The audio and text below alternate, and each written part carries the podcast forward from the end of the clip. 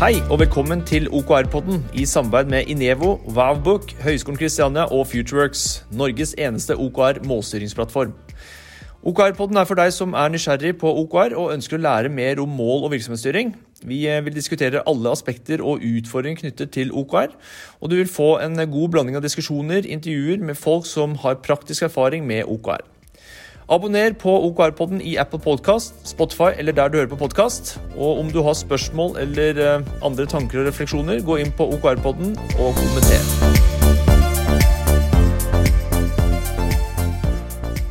Hei og velkommen til OKR-podden, podden for deg som er nysgjerrig på OKR og målstyring.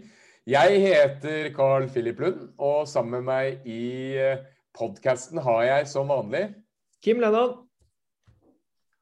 Og i dag så har vi en gjest. Ja, og i dag har vi en gjest, og det er Carl Wilhelm Vedvik fra Adline Professional. Ja, velkommen til oss. Velkommen. velkommen. Takk for det.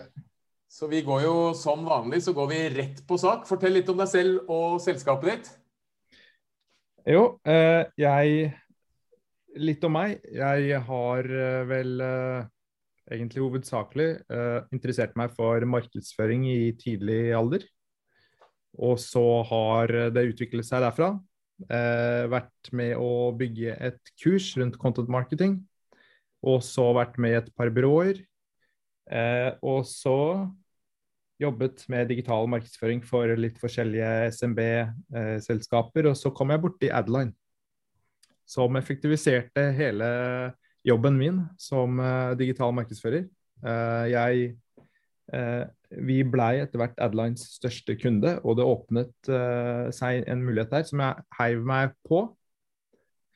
Eh, nå er jeg daglig leder i Adline og driver den kommersielle sats, satsingen da, i selskapet. Kult. Spennende. Hva, hva er det egentlig Adline gjør, da? Sånn, eh, hvordan, eh, hvordan gjør dere hverdagen enklere for en digital markedsfører? Vi samler de viktigste kanalene inn i én plattform, som Facebook, Google, Instagram, etter hvert LinkedIn eh, og andre kanaler, og så forenkler vi det. Sånn at man i én plattform lager annonser og distribuerer det ut på tvers av kanaler. Ja. Hva, hva slags uh, selskaper uh, er det dere konkurrerer med, egentlig? Jeg vil jo si at Facebook og Google er jo på en måte de er jo konkurrenter. Men Ja. nesten alle som jobber i Facebook og Google, sier at det endrer seg hele tida, og det er komplisert og det er eh, eh, mange greier å holde styr på. Så, så utfordringen er jo å også hente bedrifter og kunder ut fra Google og Facebook, også inn i Adline. Mm. Jeg vil jo si at Facebook og Google er de største konkurrentene, men også de beste partnerne. Ja. Så dere, dere selger dere Er dere en reselger for Google og Facebook, eller er dere en systemleverandør, eller er dere et byrå? Systemleverandør, vil jeg kalle det. Så da kan man sitte og administrere både Facebook og Google-annonser gjennom Adline? Gjennom Adline og så bruker vi eh, algoritmer som optimaliserer budsjett på tvers Ja. av kanaler. Spennende.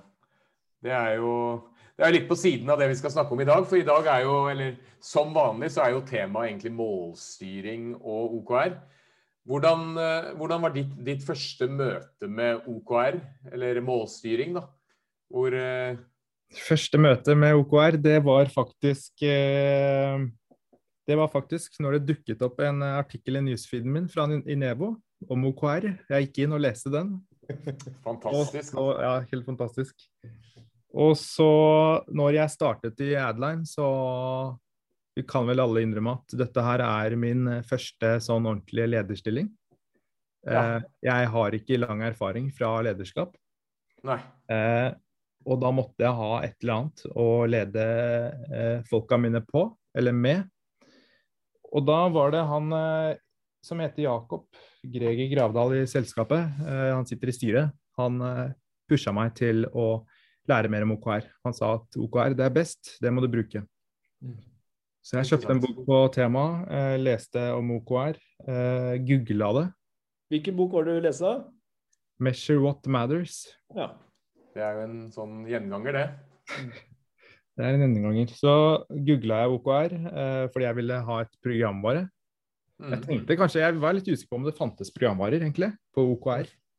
Mm. Men det dukket opp i Google, så jeg tok kontakt med tre stykk fordi jeg ville ha demo. Og Ja. da var jammen meg Kim, han var på saken. Han ringte meg opp. Og, og, og her sitter vi i dag. Og her sitter vi i dag. Så, men hvilke andre leverandører var det du hadde demo med? Hva heter de andre? Eh, jeg husker ikke hva det het, men, men eh, jeg husker i starten, Kim, så eh, sendte de ut ukentlige rapporter Ja. på OKR. Ikke sant? Det, er jo, det fins jo kanskje 40-50 leverandører av OKR-programvare. og eh, Det du sikkert leste i den artikkelen på Inevo, er vel at eh, det er, programvare er ikke det stedet man begynner. Eh, fordi det er ikke det som er det avgjørende for å få det til å funke. Men, men jeg tenker siden du var ny og dere ikke hadde noe fra før, og det var liksom upløyd mark, så, så kan det jo hende at det er en god idé å begynne med software. Jeg vet, jeg vet ikke. Men det kan jo du kanskje snakke litt om. Hvor mange ansatte er det dere er i Adline? Vi er eh, totalt fem på salg og markedsføring og support. Og så er vi fem utviklere. Ja, Totalt ti, ti. Ja. er alle på ett kontor, eller, er, eller nå er vel alle på hjemmekontor, men ja, nå sitter vi litt eh, rundt omkring på hjemmekontor, eh, men eh, vi har Akkurat nå så har vi utviklere i Sri Lanka og St. Petersburg. ja.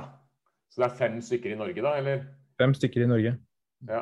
Så, og, og det er jo, jeg syns det er jo kjempespennende, for da er dette den første lederstilling.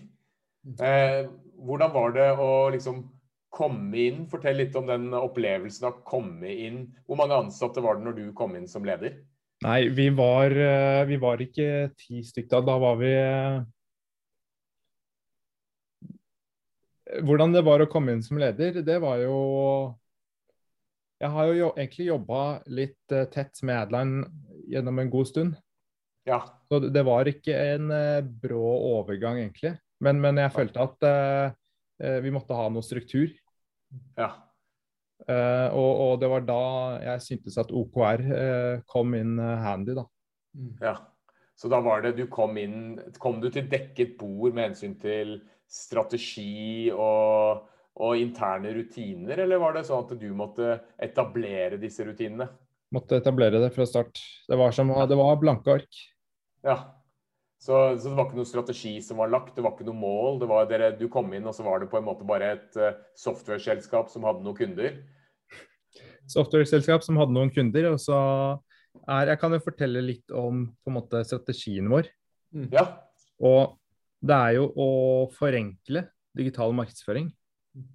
Eh, og så er det å være internasjonalt skalerbart. Mm. Det er de to tingene. Så egentlig alt, alt vi har gjort fra start av, eh, er i henhold til de to tingene der. Forenkle og gjøre det skalerbart. Eh, og bygge rutiner rundt det, Mm. egentlig. Så, så hvordan, eh, da du kom inn, da, hvordan var det du introduserte de ansatte for OKR, eller var det allerede introdusert, eller? Nei, det var faktisk ikke introdusert. Det var eh, Vi måtte ta noen runder, faktisk. Og Kim var egentlig med på en del av noen av de rundene. Så vi måtte gå helt fra start av.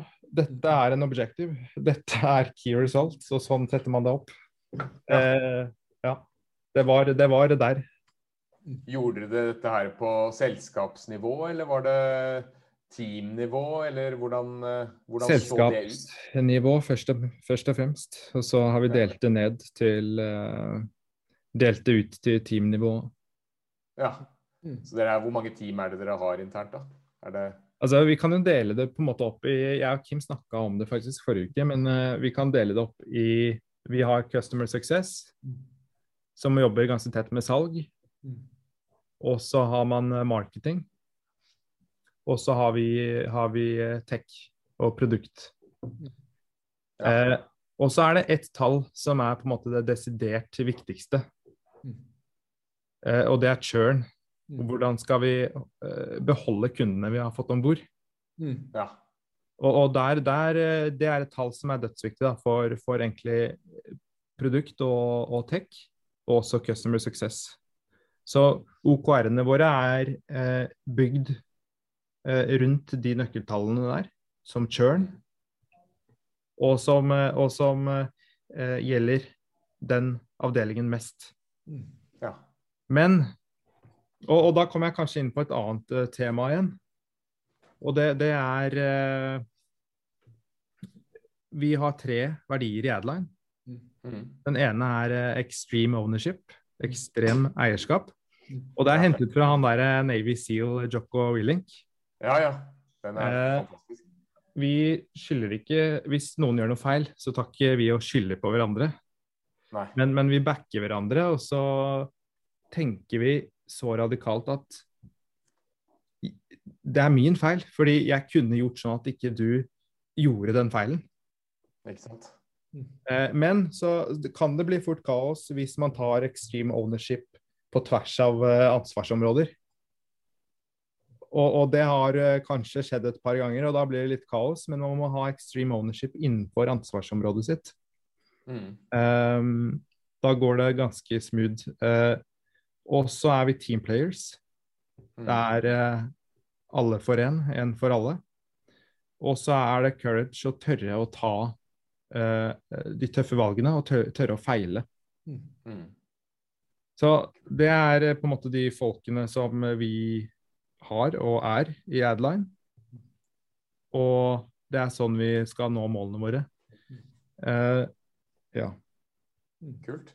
Hvordan, hvor dette med extreme ownership, da, det, det, er, det er, jo sånn at uh, noen blir jo litt sånn um, berørt eller litt sånn redd for det uttrykket. Mm.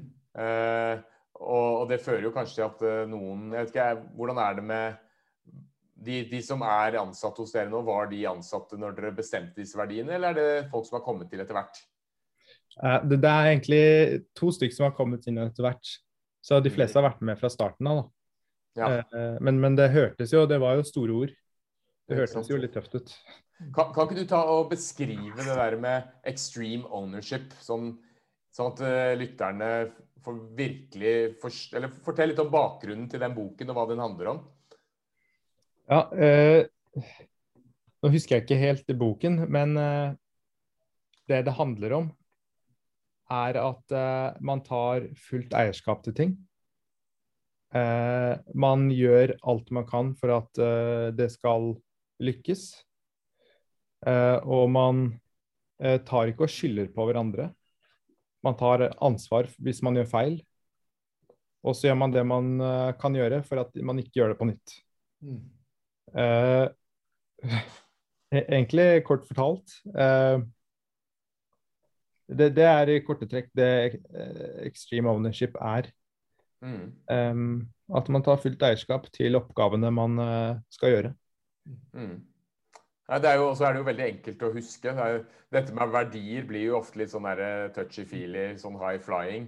Eh, det er mange som har noen verdier på veggen. Men kan ikke du, kan ikke du fortelle et sånn eksempel fra arbeidssituasjonen på, på, et eksempel hvor en eller annen har tatt extreme ownership hos dere? Ja, F.eks. hvis en eh, kunde, og det har skjedd da, en kunde som kanskje blir litt misfornøyd av en eller annen grunn. Kanskje det er teknologien, kanskje det er eh, dårlig service, vil jeg ikke si at vi har hatt ennå.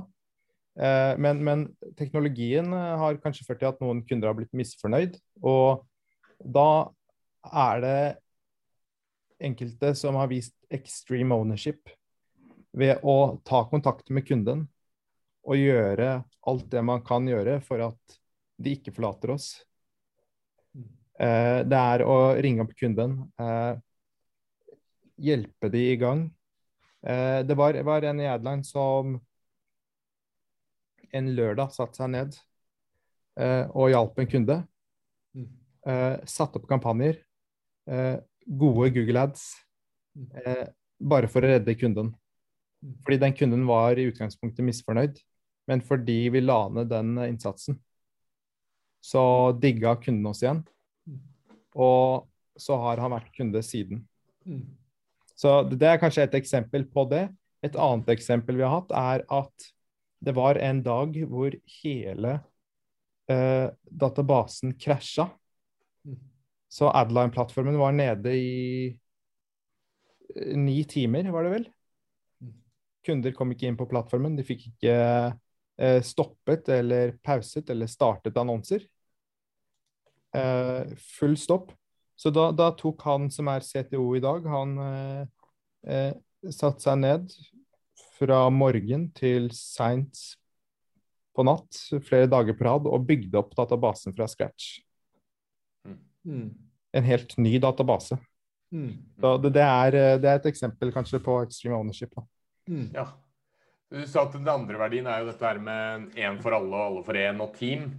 Eh, har du noen eksempler på hvordan det har eh, gått til i selskapet? Eh, ja, det har ikke kommet så veldig mange eksempler på det, men ett er kanskje at uh, den andre veien, at en kunde blir uh, forbanna på, på en av uh, våre ansatte. Mm. Uh, av kanskje en usaklig ting. Mm. Og, og, og, da tar vi også backer opp vår ansatt, vår medkollega, og rydder opp i situasjonen. Mm. mm. Og da, da, er det jo naturlig å liksom gå videre til den tredje, da, det å tørre å feile. Mm. Eh, har du noen eksempler på det kanskje de siste seks månedene? Teste ny teknologi. Ja. Altså, altså i, i, det jeg har sett, da, er at innenfor teknologi så har, er det veldig skummelt å velge alle slags type leverandører innenfor alt fra servere, databaser og sånn, som er i forskjellige land mm. pga. GDPR og alt mulig. Men så finnes det verktøy som eh, er mest egna for f.eks. den type teknologien vi har. Så da må vi tørre å teste ny teknologi som er best for oss, selv om det er noe risiko ved det. Mm. Ikke sant.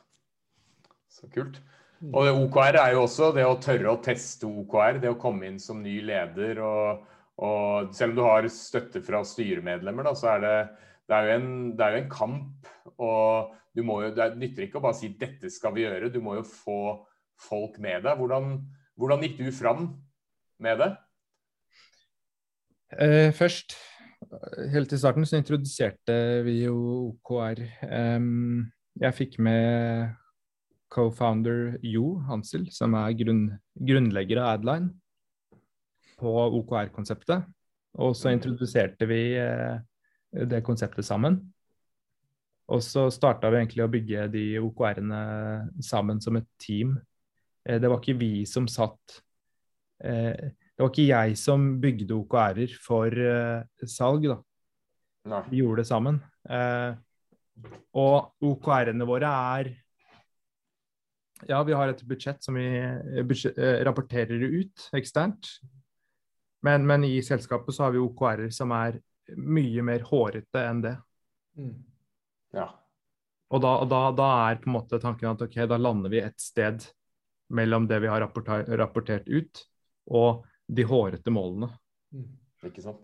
Mm. Så Hvordan var det dere, dere presenterte da OKR til de andre ansatte, og så var det bare tut og kjør? og så Hvordan var det det foregikk? Eh, vi lagde de sammen. Ja. Satt oss ned, eh, bygde OKR-ene, og så har vi egentlig eh, kjørt ukentlige møter hvor vi mm. tar og ser på status eh, sammen. Um, og så backer vi hverandre mest mulig på de ulike OKR-ene. Mm. Jeg vet ikke om vi starter på Da er det én gang i uken så møtes dere, og så uh, er det du som da tar opp uh, Her er OKR-ene hvordan ligger vi an, eller hvordan er det det møtet foregår? Ja, eh, Vi går gjennom eh, OKR for OKR. Og så mm. er det de ulike som er ansvarlig, tar en status på OKR-en. Ja. Og hvor lang tid tar et sånt møte? En time tror jeg vi, vi bruker hver mandag. Mm. Ja. Er det på morgenen eller ettermiddagen? Sånn... Morgen. Ja, det. Jo... Starter, starter, dagen med hvordan det gikk forrige uke, ja. og så hva vi skal gjøre denne uka her. Ja.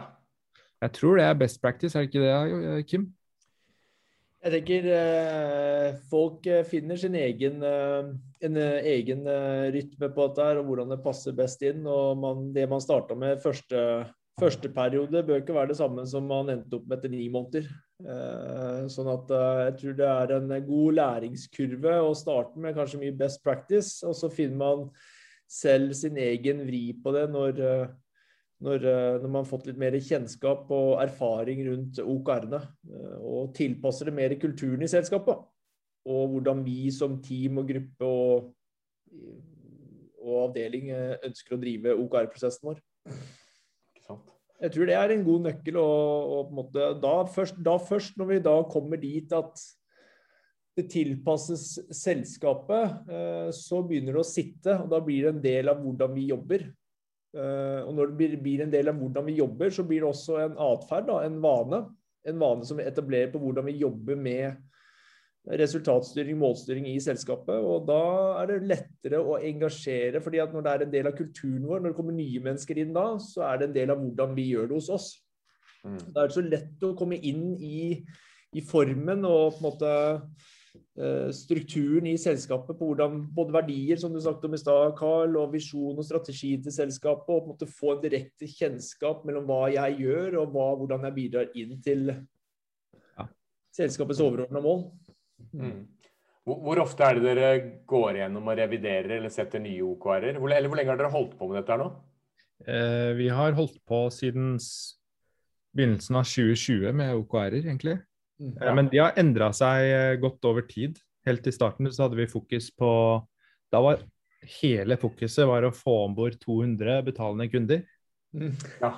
Det var liksom eh, det, det, som alle hadde i huet. Eh, vi landa på 135 ja. Eh, så i, i, forhold til OKR, så er ikke det, tror ikke jeg det er dårlig. Google sier jo hva du sa for noe, at uh, de forventer at du skal feile på målet ditt, uh, og at uh, 70-80% er bra. Ja, så da, da, klarte vi jo nesten det. Eh, men, men, det som skjedde da, når vi nådde det tallet, var at vi kjørte plattformen vår så hardt at ting gikk litt treigt. Eh, ja. Så da, da merka jo utviklerne det trøkket. Så eh, det førte til at andre prosesser ble satt i gang. Mm. At eh, plattformen måtte Vi måtte stabilisere plattformen. Vi måtte eh, videreutvikle den for å tåle det trøkket. Mm. Eh, og så var all fokus på det, eh, mens vi fortsatte å trykke på gassen og få om bord kunder mm. som bare det. Men det førte til et annet problem igjen. At churn gikk kanskje litt opp igjen. Mm. Uh, kunder uh, forlot oss fordi vi hadde ikke på plass uh, god nok oppfølging og, av kunder osv. Så, videre. mm. så da ble det en ny OKR. Mm.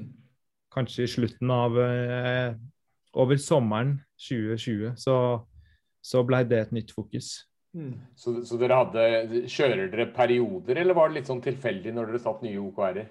Det har vært kvartal for kvartal. Men, ja. men uh, hvor vi går gjennom OKR-ene våre og reviderer dem. Mm. Ja. Så, så nå, nå, er det delt opp i nye kunder, eh, oppfølging av kunder vi har, mm. ja. og stadig forbedre plattformen. Mm. Snakker dere med kundene deres om OKR, eller er det bare et internt verktøy som dere bruker selv? Foreløpig så er det et internt verktøy. Ja, interessant. Men får, dere, får, du inntrykk når du har jobba Du har jobbet både på byråsida, du har jobbet med Vents, eh, og nå jobber du i et software-selskap. Men får du inntrykk av at eh, folk eh, flest setter mål? Eller hvordan, hvordan, forhold har Du har jo vært student, alle har jo vært studenter, men du har også vært student. Hvordan, hvordan føler du at folk forholder seg til det å sette mål i ulike deler av eh, bransjen eller ulike deler av livet? Nei, for å Jeg vil ikke si at jeg har sett at det er vanlig. Nei? Egentlig. Jeg har ikke, ikke i hvert fall ikke så systematisk sette OKR-er. Og liksom sette hovedmål og så bryte det ned. Det, det har, har, jeg sjelden sett. Ikke sant. Nei, jeg, jeg, har inntrykk av at uh, veldig mange setter økonomiske mål. Mm. Eh, du har jo kvartalsrapportering av uh, børsnoterte selskaper og alt sånt. Og, og, det er inntrykket mitt at uh, de som driver med salg, de er vel også ganske flinke på dette til å sette mål. Uh, men, men, jeg er litt sånn mer usikker på andre. HR og marked, markedsføring de, de, setter vel noen sånne mål for hva de skal klare å oppnå. Men jeg, jeg tror ikke Eller de, folk flest tror jeg er ganske dårlige på å sette mål. Jeg tror det er mange som kanskje setter noen mål eller snakker litt om det, og så glemmer de det. Mm. Det var gjort en eh, for, eh, for ty, digresjon, men bare for å understøtte det du snakker om nå, Philip så er det sånn For 20 år tilbake så var det en professor på Yale University som spurte 100 avgangselever hvor mange er det som setter mål. Eller som har mål, var det. Hvor mange er det som har mål? Og da er det liksom alle, alle rakk opp handa si da. Alle sammen har mål. Og så var jo da spørsmålet hvor mange er det som skriver ned målet sitt? Og ja. da var det bare, det var bare jeg tror det var 4 av de som rakk opp hånda første gangen, som rakk opp hånda si. Så at én ting er mange, Jeg tror mange som tenker mål. Mm. Det er en annen ting å skrive det ned. Og Der tror jeg det er mange som uh, har et stort forbedringsområde. Å sette seg ned, skrive målene, følge det opp. Og være, være, hands on i forhold til det du ønsker ut. For det du måler, det får du jo mulighet til å gjøre noe med også. Og mm. tanker får liksom Du får ikke mål det, det, er ikke noe konkret å se ned på visuelt og se liksom hvor, hvor langt har vi kommet nå. Ikke sant. Det er vel det, er vel, det, er vel, det, er vel det at uh, man må ha en diskusjon om mål. Ja. Man må skrive de ned. Og må, må man, uh, må, også må man også trekke progresjonen, eller, fordi folk liker å se hvordan de ligger an. Ja. Uh, så jeg tror det er kanskje det, det, som svikter for folk flest, det er den derre oppfølgingen av progresjon. Den, er, den, tror jeg er veldig vanlig hos uh, selgere. De er jo de beste selgerne. De er jo flinke til å følge opp. Men de aller fleste andre, de, vi er kanskje ikke Vi er ikke Jeg vet ikke om kanskje det er noe som ligger i vår natur, at vi er ikke flinke til å følge opp ting. Det er jo sånn at mange, det er jo mange som har nyttårsforsetter, og så går nyttårsforsettene går jo i dass i, i januar-februar. Hvorfor er det sånn? Men, men vi var jo litt vi var litt inne på det i stad. når Vi snakka om det når, når OKR-ene blir en del av det du gjør. Altså hvordan vi gjør ting. Det blir en vane. Fordi inn på det som det å på en måte gjøre ting over tid gjør, Hvis vi skal jobbe med målstyring og være konsekvent og disiplinerte i forhold til hva vi ønsker å få til altså OKR-er er en utviklingsprosess. Det er ikke noe som setter seg første kvartal og yes, da har vi lykkes med OKR-ene våre. Men over tid er vi disiplinerte til å jobbe med prosessen vår og akseptere at underveis så er det rom for å feile. Og så må vi lære å se tilbake. Vi, hvilke suksesser har vi hatt, og hva, hva, er lærdommen vår? Og hva skal vi gjøre nå i dette kvartalet for å løfte oss og forbedre oss? Og jobbe mm. sånn over tid og greie å se seg selv at i løpet av liksom en seks-ni måneders periode, hvor er vi hen da? Sannsynligvis langt mye lenger frem enn hva vi var første kvartal. Mm. Og det er prosessen. Det er utviklingen. Mm. Og da, når vi begynner å få det som en vane, og etablere det som en form for oss å drive måsing på, så blir det kraftfullt. Kan du ta et eksempel fra sånn performance marketing? Det er veldig sånn fokus på to tall. Det er liksom OK, putter man inn 100 kroner, så får man tilbake 150. Da er det bare å putte på mer og mer og mer. Ikke sant? Men, eh, da, men man kan ha, gjøre det uten å ha på en måte det målet. Mm. Man, bare, man, har bare fokus på at 100 blir til 150. Mm. Men man veit ikke hvor, hvor, hvor, langt skal man gjøre det. Mm. Ikke sant. Mm. Jeg hørte en kar som snakket om en sånn måleparameter som var egentlig en veldig enkel måleparameter. jeg husker ikke hvem det var, eh, men han sa bare at eh, det eneste måleparameteret han hadde, var ville han gjort det igjen. Mm. Hvis du starter en ny aktivitet, og så skal du evaluere, ville du gjort det igjen, eller ville du ikke gjort det igjen? Uh, og det, jeg syns egentlig den var ganske god, fordi det som er liksom gullet med OKR også, er at uh, i prinsippet så er det veldig enkelt. Det er enkelt å huske. Og, og det at man skal ikke ha for mange OKR-er. Man skal helst ha liksom tre konkrete key results. Man kan ha flere, men, men det er noe med det at det, det må være enkelt å huske. Uh, for at det skal fungere. At det enkelhet er så utrolig viktig. Så Men eh, Wilhelm, er det noe sånn er det noe spesielt Du snakket jo om best practice i går. Er det noe spesielt eller unik måte dere kjører OKR på, som er liksom ikke best practice, men som kanskje er eh, bedre enn best practice, eller noe som dere tester ut? Dere har jo en verdi som det skal være Det er lov å feile. Men hvordan er det dere har gått fram for å teste ulike måter å gjøre OKR på? Godt spørsmål. Uh, har du gjort noe annerledes enn det som er best practice? Jeg kan jo bare fortelle rutina, egentlig, så kan vi jo se. Um, altså, Kim, vi har jo slavisk brukt FutureWorks. Mm. Egentlig. Vi har satt opp OKR-ene. Uh, mm. Men det som kanskje vi har gjort, er at vi har satt opp eh, Du sier at tre OKR-er er liksom tre-fire OKR-er. Det er liksom uh, Det er bra. Man mm. bør ikke ha mer. Vi har kanskje satt opp eh, Vi har satt opp én OKR kanskje per avdeling. Mm. mm. Og hver avdeling har disse OKR-ene som støtter hoved-OKR-et vårt. Mm. Uh, det kan godt være at det er litt komplisert, men uh, hoved-OKR-et vårt er at vi skal nå så og så mye i inntekt, og vi skal gå break-even, og vi skal klare å, å holde churn så og så mye. Mm. Og så er det delt eh, ned i konkrete OKR-er for tech, mm. for produkt, for customer success og for marketing. Mm. Sånn at de vet klart og tydelig hvilke eh, spaker og knapper de skal trykke på for å påvirke liksom, hovedmålet vårt. Mm. mm. Hvor, hvor, eh, hvordan er det det hvis dere, du, du, snakker jo mye om churn. Er churn liksom alltid en key result hos dere, eller er det eller uh, har dere byttet på key results uh, etter hvert som dere har gått? Uh, vi har ikke byttet på, men det, det har blitt, blitt, mer viktig med andre Churn er dødsviktig for produkt og tech og customer success, men, men så er det også et annet tall som på en måte vi blir ofte drilla på av ja, bl.a. styret og flere, fordi det er ganske viktige tall. Det er det som viser om selskapet er skalerbart eller ikke. Og det er lifetime value og kakk. Det er liksom Det er kjempeviktig.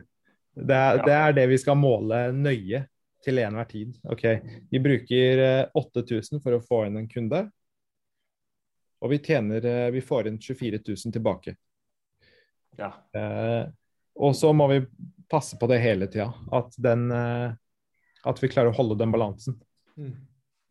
Det er kanskje det som eh, vi har størst fokus på, i hvert fall på marketing og salg. Mm. Men ja. alle, alle, i selskapet har mulighet til å påvirke det. Mm. Fordi, fordi eh, en, hvis teknologien vår ikke utvikler seg, så vil kanskje lifetime value gå ned. Mm. Mm. Og så du sa, du sa kakk, det regner med at det er Customer Acquisition Cost, eller? Ja, ja. riktig. Eh, der måler vi både den virale eh, kosten vår og den manuelle. Ja. Og den manuelle, da mener vi at OK, hvor mye tid på salg bruker vi for å overbevise en å bruke plattformen? Mm. Den ligger da inni. Mm. Jeg er veldig nysgjerrig på eh, Når dere har kvartalsavslutning, hvordan er det liksom eh, Kjører dere noe utover liksom bare mandagsmøte, kvartalsavslutning, eller har dere noe annen eh, ikke seremoni eller noe Har dere noen sånn avslutningspresentasjon eller noe feiring på slutten av et kvartal, eller, det, eller går dere bare rett over i neste kvartal og så ny runde? Det er vel mest sistnevnte. Vi, vi har vært litt ja. dårlige på feiring. Eh, men, men, vi har tatt en sånn eh, fot i bakken, sett på OKR-ene, og så har vi tatt en workshop. OK, ja. dette kvartalet her så må vi gjøre dette. Ja. Og det er vel eh, der i de sammenhengene der at de eh, eh nøkkeltallene har utvikla seg, da. Ja. Kult. Er det sånn at eh, fra kvartal til kvartal har dere gjort drastiske endringer i fokus? Eller er det sånn at man holder seg liksom i samme område? Dere har jo tre avdelinger, og så snakker du en del om churn og Men er det noe sånn at dere har endret fokus totalt? Ja, jeg kan tenke meg at dere hadde fokus på salg første periode, og så var det kanskje teknologisk infrastruktur for å få alt det opp og gå. Ja. Eh, og det er jo ikke ja. så lenge siden. Eh, 2020, liksom. Hva, hva, hva, tror du kommer til å bli fokuset framover? Eh. Eller er det mye av det samme? Det er ganske mye av det samme. Eh, ja. men, men, helt i starten så Det var jo blanke ark. Ja. Så fokuset var å bevise at vi klarte å få tak i kunder. Ikke sant? Det var jo alt Det var jo det vi jobba knallhardt for. For å få øke den kundebasen vår. Mm. Så den mest drastiske kanskje endringen er Det burde kanskje ikke vært en endring heller. Eh, og det, det, er at vi endra fokus mer over på å beholde kundene. Men, men nå så, så vi, prøver vi å holde begge oppe. Ja. Interessant. Hva, hva, vil du si er de største sånne utfordringene dere har møtt? da? Sånn første, største fallgrubene eller første, største problemene knyttet til målstyring? Uh, kanskje at vi har satt litt for høye mål, og så blir ja. vi litt skuffa. Litt skuffa. Ikke sant. Mm. Det kan vel være at det er største ja, fallgruve. Mm. Ikke sant. Og hvis du skulle gi eh, Jeg syns det er veldig interessant det med at du er, det er første lederstilling. Hvis du skulle gi eh, noen andre som skal ut og, og, være leder for første gang, eh, tre konkrete tips eh, knyttet til det å, å, styre et selskap, hva, hva ville det vært? En, jeg ville, jeg ville sett på OKR som eh, første ting, kanskje. Um, sette opp OKR-er sammen med ikke, ikke sett OKR på. Ja. Det, det, og dytte det ned, uh, men, men gjør det sammen. Uh, som tips nummer én. Tips nummer to Sett opp eh, Nå snakker jeg helt sånn fra scratch. Ja. Altså én, sette opp OKR. To, lag verdier. Ja. Som alle brenner for og syns er kult. Mm jobb aktivt for å bygge inn de verdiene. Fordi det begynner å bli ganske kult når noen på Slack f.eks. skriver det var extreme ownership. Mm. Og så tagger de, tagger de, en annen, ikke sant? Mm. Det er litt kult. Mm. Eh, tre Tips nummer tre eh, jeg ville kanskje vært eh, Som leder eh, så jeg, gir jeg frihet eh, til ansatte. Jeg, jeg er overhodet ingen micromanager. Eh, men, men, det er jo fint å følge opp ansatte oftere. Ja. Pass på å følge opp ansatte ofte nok. Smart. Og gi feedback. Ja, du, du, nevnte dette her at det å sette OKR-er sammen med og ikke på. Eh, og så snakket du om nummer to, da, lag verdier. Er verdier noe man lager, eller hvordan er det, du, hvordan er det man kommer fram til hvilke verdier teamet skal ha? Er det Jeg du tror... som kom og sa 'dette er verdiene', eller er det, en, eller er det også en diskusjon? Det var en eh, Altså, jeg, jeg må være ærlig og si at extreme ownership det er noe jeg har eh, liksom brent for og syns er kult.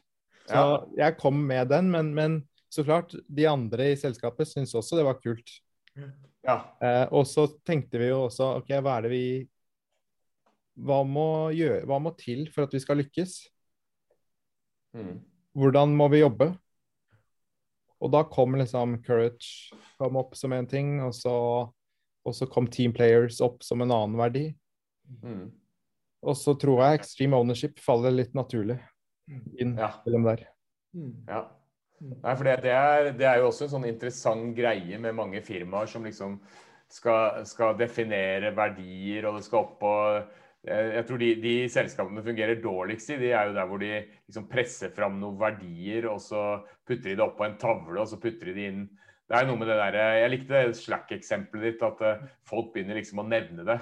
Uh, og, og, man har en felles forståelse for hva det er. Til og med med forkortelse. Hashtag Ikke? EO, ikke sant? Ja, ikke sant. Da er det gøyalt. Så Ja. Men hvor, hvor, når dere ansetter, hvordan er det dere, hvordan er det dere eh, snuser fram verdiene til de dere ansetter? Hvordan vet dere at eh, de personene har lignende verdier som dere selv? Eller er det viktig i det hele tatt? Kan man ha for, forskjellige verdier når man jobber i et selskap? Jeg tror noen kan ha litt mer legning mot en eh, type verdi enn en annen, men eh, Ja. eh, for å være ærlig så, så har vi ikke kommet dit enda, Nei. hvor vi, har, hvor vi har sett det. Vi har ikke gjort noe heavy rekruttering ennå. Nei. Nei det, er, jeg sy- det er jo bare sånne ting som kommer opp, da. Men er, er, det, er verdier noe som forandrer seg over tid også, kanskje? Altså, Eller har det, har det forandret seg over tid for deg? Nei, det har ikke forandra seg over tid, men jeg tror at uh, bare for å svare på det forrige spørsmålet, så i den fasen vi er i nå, og grunnen til at extreme ownership er så viktig, er bl.a. det å være selvstendig også. Mm. Uh, fordi det er så eh, sinnssykt mye som skjer hver dag. Så, så man kan ikke på en måte er, Folk kan ikke trenge å bli detaljstyrt. Og de, man må tenke selv, og så må man uh, vite hva man skal gjøre for å nå det målet. Eh, da må man være selvstendig, og man må ta eierskap. Ja. Uh, en, en vanlig hverdag i Adline er ikke sant? Vi, vi, Jeg hørte et sted at å bygge en startup, det er som å bygge et fly mens du flyr det. Og mest sannsynlig så brenner det på flyet også, så du må slukke branner i tillegg. Sånn, Ja. sånn, sånn er dagene, ikke sant. Og da må man være selvstendig og ha eierskap. Ikke sant. Så. Er det noe mer du har lyst til å snakke om? Jeg tror uh, vi har gått gjennom uh, Det meste. mye. Ja. um, Hvordan kan folk eh, komme i kontakt med deg? Gå til adline.com slash booking, så møter dere Mike. Ja, så hyggelig. Det er Har du lyst til å oppsummere, eller, Kim? Jeg satt og tok noen uh, skriblerier mens vi uh, snakket litt sammen eh, her nå. Så, men eh, hva skal jeg si, ja? Eh, jeg, jeg tror eh, Carl traff litt av spikeren på hodet i forhold til det eh, ikke, ikke sett OKR-er eh, Sett OKR-er med organisasjon. Ikke la det bli en sånn eh, top down eh, eh, setting. Så det å la organisasjonen få lov til å være med og sette OKR-er og delta i den prosessen, så skaper det også det extreme ownershipet med at folk blir mer autonome og kan ta ansvar og eierskap til disse oppgavene og målene og den fremdriften vi ønsker i selskapet. La dem få lov til å delta i dette. Og, og i det så er det jo også da at når vi får lov til å være med i dette, så er dette også en utviklingsprosess for, for. Sånn at det vi da først satt i gang med, vil sannsynligvis ikke være det samme som vi da fortsetter å jobbe i. Så prosessen er på en måte en, prosess som en både endrer seg og tilpasser seg kulturen i selskapet. Eh, og det å være med og delta på noe sånt noe, eh, er vel det, det du har gjort, Carl. Eh, og, og på en måte sikre at du får fokusert, en fokusert organisasjon da, som skal være med og bidra til strategien til selskapet. Mm. Mm. Bra. Mm. Så likte jeg de tre tipsene dine også. Eh, Jeg vet ikke om du Har lyst til å, har du lyst til å gjenta de? De tre, bare kort til slutt, Ja, og så sett, avslutter jeg. eh, sett OKR-er eh, med ansatte. Mm. Eh, og så to eh, Lag noen verdier som eh, du og ansatte, ansatte brenner for og syns er kult. Tre eh, Jeg husker ikke helt hva det var, men, men eh, f eh, gi, gi frihet. Eh, og, men følge opp eh, ofte nok. Ikke sant? Jeg syns det var veldig enkelt og, og bra. Mm. Og det er jo tre ting som er lett å huske. Mm. Så Sett OKR-er, lag verdier og gi frihet og følge opp. Mm. Så med det så tror jeg vi egentlig bare takker for i dag. Veldig hyggelig, eh, veldig interessant og veldig nyttig. Så For, sier vi ha ja, vent litt, eh, vent litt, Carl. Ja, ja. ja, ja. Det er jo mange lyttere som kanskje bare hører på første, første episode her nå av OKR-podden. Og for de av dere som er førstegangslyttere, gå inn på OKR-podden, lik oss der. eh, Følg oss på der du hører på podkast, og lytt til episodene hvis det er noe som er interessant. Eh, Og kos dere med det. Det er bra. Det er bra med en call to action til slutt. Det må man ha. Veldig bra. Skriv markedsføreren. Ja. Ha det bra. OKR-podden er gjort mulig av Inevo, Vavbook og Futureworks, Norges eneste OKR-plattform som hjelper deg med å sette fart på innovasjon, utvikling og vekst.